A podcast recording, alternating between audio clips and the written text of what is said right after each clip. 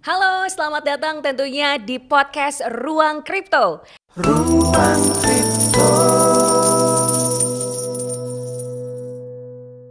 Nah, di sini kita bakal ngebahas eh, hal-hal yang berbau NFT, blockchain, kemudian cryptocurrency dan lain-lain. Nah, tentunya buat kamu yang pengen ngedengerin uh, podcast kita bisa langsung aja dengerin di Spotify, kemudian Apple Podcast dan juga Google Podcast. Nah, barengan sama aku Alia Mirza dan hari ini kita kedatangan suhu micin. Wah, Wadaw.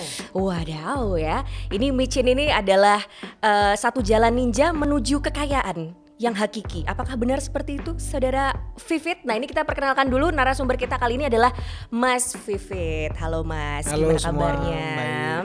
Oke, hari ini kita bakal ngobrolin soal permicinan nih.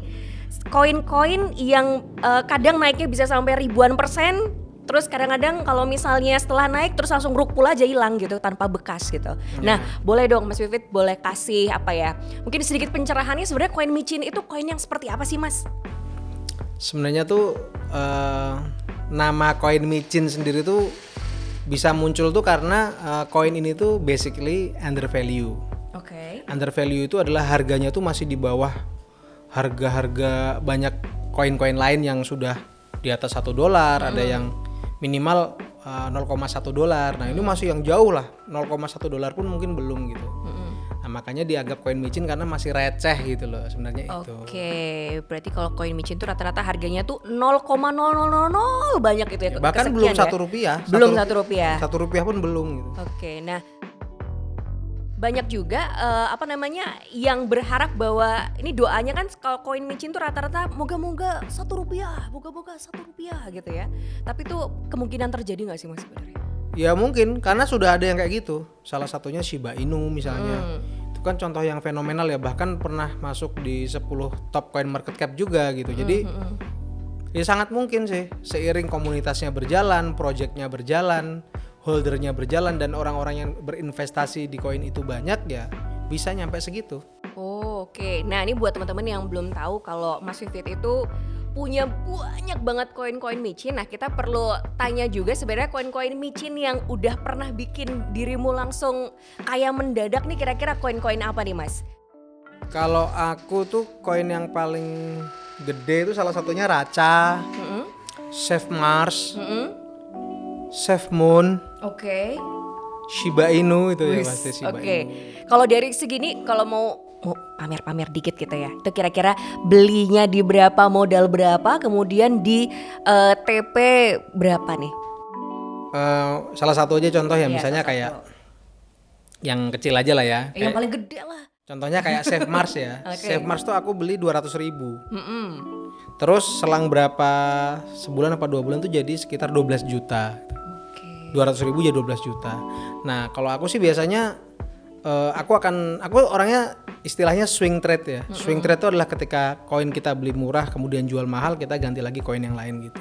Oh, Tapi jadi tetap analisis. oke. Nah, berarti kalau gitu artinya kalau koin micin itu sebenarnya koin yang tidak seharusnya kita hold lama ya. Berarti kalau udah udah naik langsung TP aja nah, gitu. itu itu apa ya? Bisa dibilang ya bukan kesalahan ya, tapi kalau aku pribadi nggak nggak nggak nggak akan fanatik sama yang namanya koin micin nggak akan fanatik. Gini, kita kan kalau mau beli Bitcoin atau mau beli Ethereum atau mau beli koin-koin yang udah market cap-nya besar-besar dan harganya juga sudah mahal ya kayak BNB gitu. Kan modalnya besar. Untuk punya satu koin tuh modalnya besar. Nah, gimana nih dengan uang 200 ribu, 150 ribu gitu ya, 150 sampai 200 ribu kita bisa beli koin itu. Gimana caranya? Adalah dengan cara kita beli koin micin, koin micin itu naik, langsung kita swap jadi BNB misalnya gitu. Kayak gitu Oke. sih. Nah, cuman kan kayaknya juga nggak banyak koin micin yang naiknya langsung ribuan persen ya, beberapa gitu. Nah, sekarang kalau tipsnya nih dari eh, Mas Vivit untuk memilih koin micin yang kira-kira bisa harapannya tuh sebulan dua bulan tuh bisa naik seribu persen gitu. Kira-kira ada ada kategori tertentu nggak sih Mas? Bisa dibilang juga kekurangan orang-orang yang beli koin micin hari ini itu adalah mereka FOMO sih. Fear of missing out ya. Takut ke ketinggalan kereta gitu. Jadi misalnya koin micin itu udah hype nih. Di TikTok itu sudah berseliweran udah FYP nih. Kayak Raca apa semua kemarin udah FYP aku kalau udah FYP nggak beli aku. Nggak bakal tak beli koin itu. Kenapa? Karena kalau koin itu sudah FYP, otomatis koin itu udah tinggi harganya. Dan saat koin itu tinggi pasti ada mantul ke bawah. Hmm. Tinggal tunggu waktu aja. Misalnya Raca nih udah 100 harganya sudah waktu itu 160. Itu kalau masih ada yang beli ya wadaw banget sih itu kalau masih ada yang beli karena 160 udah tinggi banget. Bayangin aja dari 5 rupiah naik ke 160 rupiah hanya dalam waktu 1-2 bulan. Itu pasti akan ada masa turunnya gitu loh. Dan orang-orang yang beli di atas 100 rupiah itu udah pasti adalah orang-orang yang memberikan cuan kepada orang-orang yang beli di bawah gitu. Iya iya. Termasuk saya sih mas sebenarnya. Iya. Jadi ini saya geng ngancing ini kalau ngomongin Raca nih memang kemarin beli banyak eh, apa namanya pengennya sih AVG down tapi kok down terus ini sampai ya sudah lah ya. Oke, nah kalau gitu mungkin boleh kasih eh, tips-tips cara memilih mas, cara memilih untuk koin micin yang seperti apa. Jadi jadi biar kita tuh nggak kena scam atau rug gitu kira-kira gimana tipe-tipenya? Pertama kita lihat eh, jumlah holdernya dulu. Kalau aku sih biasanya pakai ini sih. Ada namanya situs tuh namanya eh, Coinhan. Situsnya Coinhan. Nah dari situ aku bisa lihat koin-koin apa aja sih yang punya holder yang banyak, punya kepercayaan dari trusted dari masyarakat tuh yang banyak tuh koin apa. Kemudian aku cek situsnya, roadmapnya, gitu kan. Hol- hol- eh, komunitasnya seperti apa, twitternya jalan enggak, apa media sosialnya jalan enggak, terus projectnya apa aja. Jadi koin micin sekalipun itu pasti punya yang namanya project, gitu kan. Nah dari situ kita bisa lihat nih, nanti kepilih nih katakanlah 10 koin nih. Dari 10 koin tuh nanti kita sortir lagi mana yang mau kita beli, nggak gitu. Jadi nggak langsung ujuk-ujuk, "Wah, ada koin micin rame orang beli, lagi naik lagi, malah kita beli sebenarnya salah karena prinsipnya adalah kita beli di bawah jual di atas kan, bukan beli di atas kemudian sangkut sebenarnya kan gitu. Kita beli di bawah. Nah itu kebanyakan orang uh, karena mereka kurang mau riset sih sebenarnya. Dan sebenarnya kalau analisis pun kita bisa technical analisis dan fundamental analisis kan. Nah kalau fundamental analisis kayak tadi ya kita lihat holdernya, komunitasnya, situsnya, webnya, roadmapnya, white papernya kita bisa lihat semua. Dan untuk eh, technical analisis kita bisa lihat titik support paling kuatnya mana. Titik support itu kan banyak ada. Ketika dia harga 5 rupiah naik ke 15 rupiah, 15 rupiah naik lagi ke 25, 25 naik lagi ke 33, naik lagi ke 50 sampai akhirnya 160. Dari situ kita lihat titik supportnya paling kuat mana. Nah, kalau misalnya Raca nih, Raca nih titik support paling kuatnya di 25. Makanya waktu naik ke waktu naik ke 117 aja tuh saya yakin itu bakal turun lagi ke 25-an ada gitu. Dan ternyata ter- terbukti hari ini turun juga ke 25 kan. Oke, nah cuman kan nggak semua orang bisa menganalisa secara teknikal yang kayak misalnya ada analisa support dan lain-lain. Nah tapi kalau untuk yang awam nih kira-kira untuk mereka eh, pengen beli koin micin, cuman kan kadang-kadang kalau kita ngikut di Telegram tuh kan banyak banget tuh ada grupnya bahkan yang eh, info koin micin, info koin micin. Nah cuman bagaimana cara kita memilih dari antara itu untuk yang versi orang awam paling gampang yang bisa kita eh, lihat dari sisi apanya mas? Sebenarnya eh, kalau untuk orang awam, sebenarnya koin micin tuh nggak disaranin sih. Karena orang awam itu, apalagi orang yang baru pertama kali investasi di dunia cryptocurrency, dia akan nggak mudah terkena kena mental istilahnya, kena mental. Jadi dia baru sekali baru sekali itu deposit, beli koin micin pula, akhirnya jatuh, akhirnya itu pasti kena mental dan nggak mau wah nggak mau lah. As- makanya ketika ada orang-orang baru yang minta apa saran gitu ke saya gitu, Mas Vivit eh, koin apa nih yang baiknya saya beli untuk investasi jangka panjang lah. Harapannya nanti ketika anak saya kuliah atau nanti ketika saya punya acara ini ini saya bisa ambil dari investasi itu. Saya akan menyarankan 10 besar coin market cap. Ya kamu beli BNB, beli ADA, beli Polkadot, beli Ethereum, beli Bitcoin kayak gitu. Saya nggak akan nyaranin kamu beli deh eh, Baby Doge itu nggak mungkin. Atau kamu beli deh eh, Carbano gitu nggak mungkin. Ada kan banyak kan plesetan-plesetan dari koin-koin bagus kayak Carbano. Tapi kalau salah satu koin micin yang hari ini eh, apa namanya ada pada radar saya itu adalah Baby Doge. Oke, Sebenarnya. emang lagi naik sih sekarang ya. Karena Baby Doge Kemarin sempat hiatus juga loh. karena Baby Doge itu eh, komunitasnya menguat gitu loh seiring eh, hari ini bisa dibilang ya kayak mau ibaratnya apa ya kalau bahasa Jawanya unda-undi gitu loh sama Shiba Inu itu Baby Doge komunitasnya kuat Oh, Oke oke oke. Kalau ngomongin soal Floki ini gimana nih? Secara komunitas kuat juga, cuman tuh antara dia scam atau enggak? Yang jelas kalau Floki ini kalau kita lihat dari apa namanya kita lihat dari track recordnya dia berani battle banyak ya kayak masang uh, advertising di mana-mana di kereta di baliho bahkan di town square juga mereka pasang sepertinya koin ini juga lumayan menjanjikan sih gitu juga lumayan menjanjikan karena kalau scam sih eh, tak rasa karena kan Floki Floki Indo kan di belakangnya ini kan ada saudaranya Elon Musk kan jadi ke- saya rasa nggak mungkin dia mem- mempertaruhkan namanya untuk untuk apa namanya untuk ini tuh nggak mungkin. Jadi cari yang background, yang backup supportnya si Nah, makanya, ini karena kita gede harus ya? lihat fundamentalnya kan dari situsnya itu kita lihat siapa sih developernya gitu loh.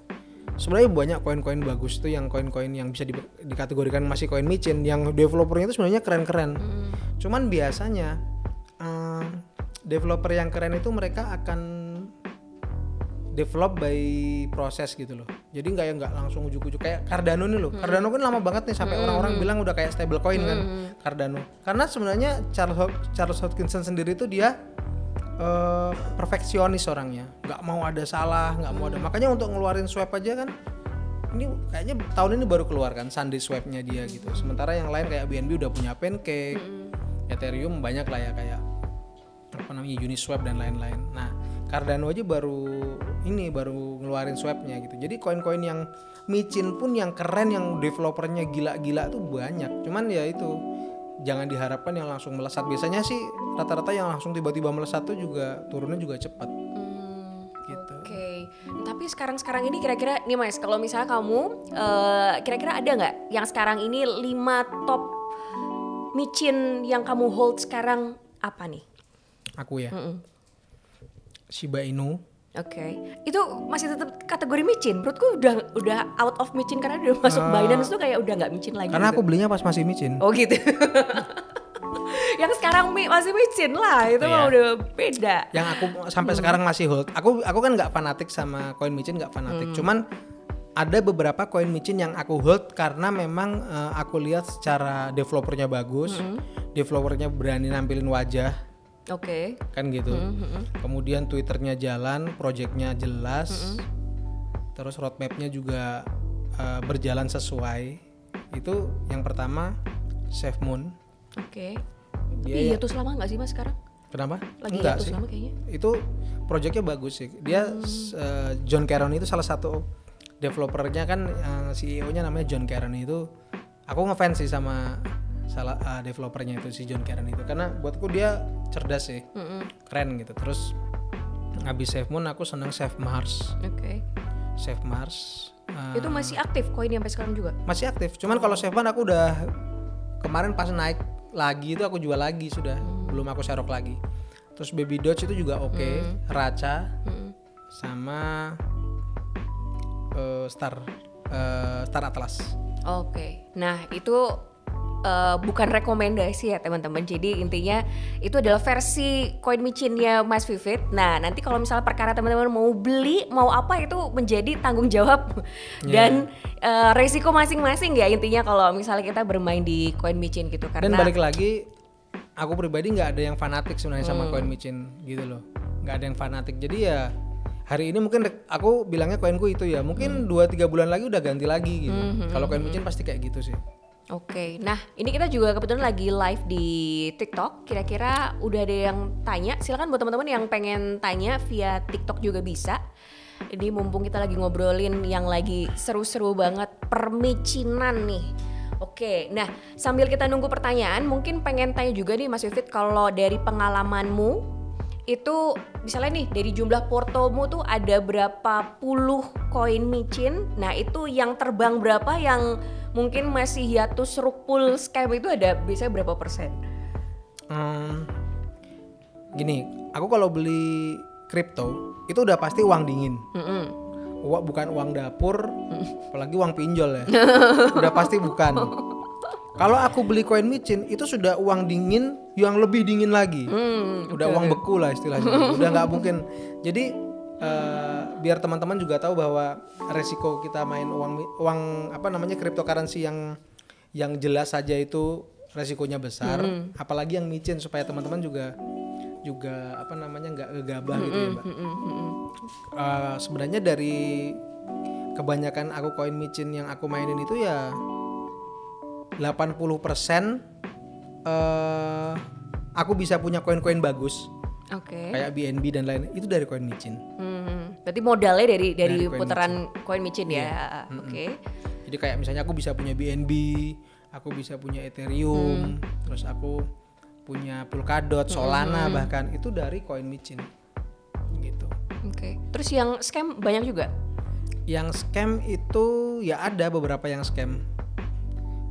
Rata-rata scam tuh karena telat jual aja sih. Hmm. Atau memang dari awal nggak bisa dijual. hmm, hmm, hmm. gitu apalagi airdrop ya airdrop tuh sampai hari ini aku nggak begitu ini ya kurang begitu percaya terhadap airdrop karena rata-rata airdrop itu nggak bisa dituker Hmm.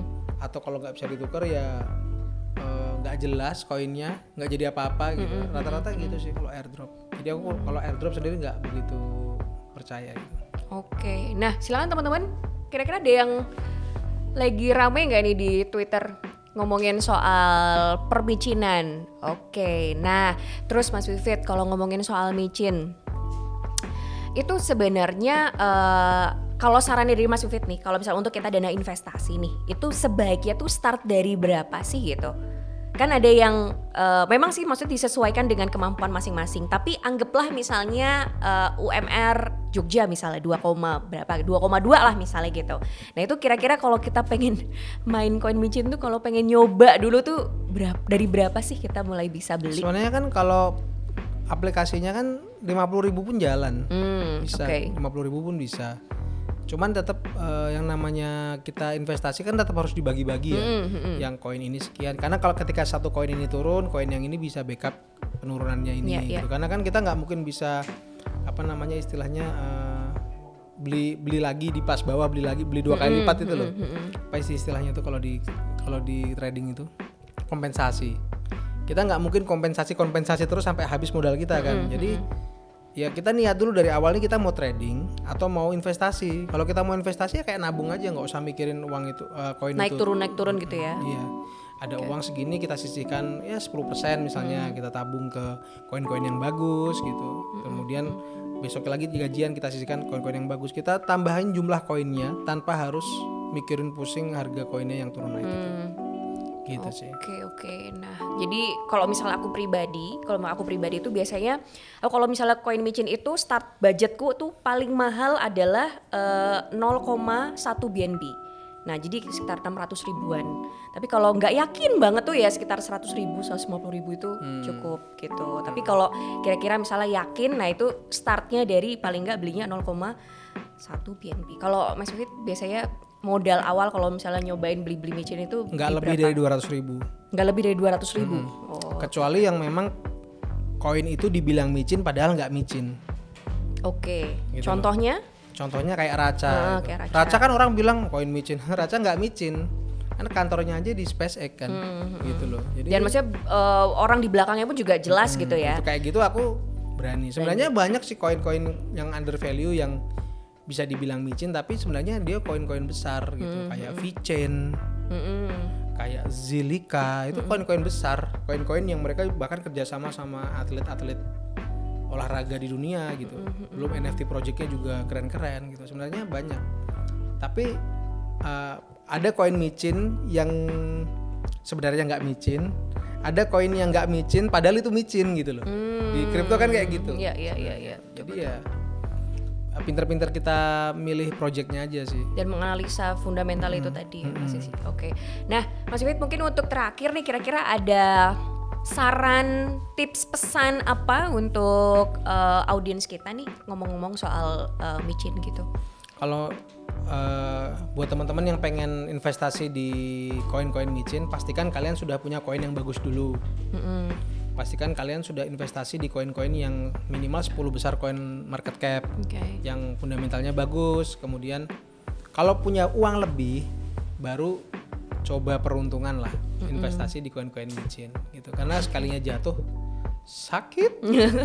Pokoknya intinya kalau mau investasi di koin micin tuh anggap uang hilang aja. Kalau aku kayak biar untuk apa ya membuat peace of mind tuh ya udahlah pokoknya ini aku beli koin micin naik eh, apa naik ya alhamdulillah kalau hilang ya wis. Nah, jadi eh, biar mental kita tuh tidak diuji setiap Benar. waktu gitu kan. Terus yang kedua, tips yang kedua tetap lakukan analisa. Eh, kalau kita nggak bisa analisa teknikal, minimal kita analisa fundamental. Oke. Kita cek coin market cap-nya, kita cek holdernya berapa, komunitasnya seperti apa, developernya siapa. Baru kita tentukan mau beli koin itu di angka berapa. Itu ngeceknya pakai yang coin hunt tadi ya. Nah, kalau buat teman-teman yang pengen ngecek apakah smart kontraknya ini adalah uh, dia cuman copy paste nih dari koin lain, kan berarti terindikasi scam tuh. Itu kalian bisa pakai token sniper Oke. gitu. Kalau kalian ingin hunting koin micin sebelum orang-orang pada FOMO, kalian bisa pakai coin hunt. Hmm, Gitu. oke. Nah, kalau coin hunt itu dia menganalisanya dari sisi apa?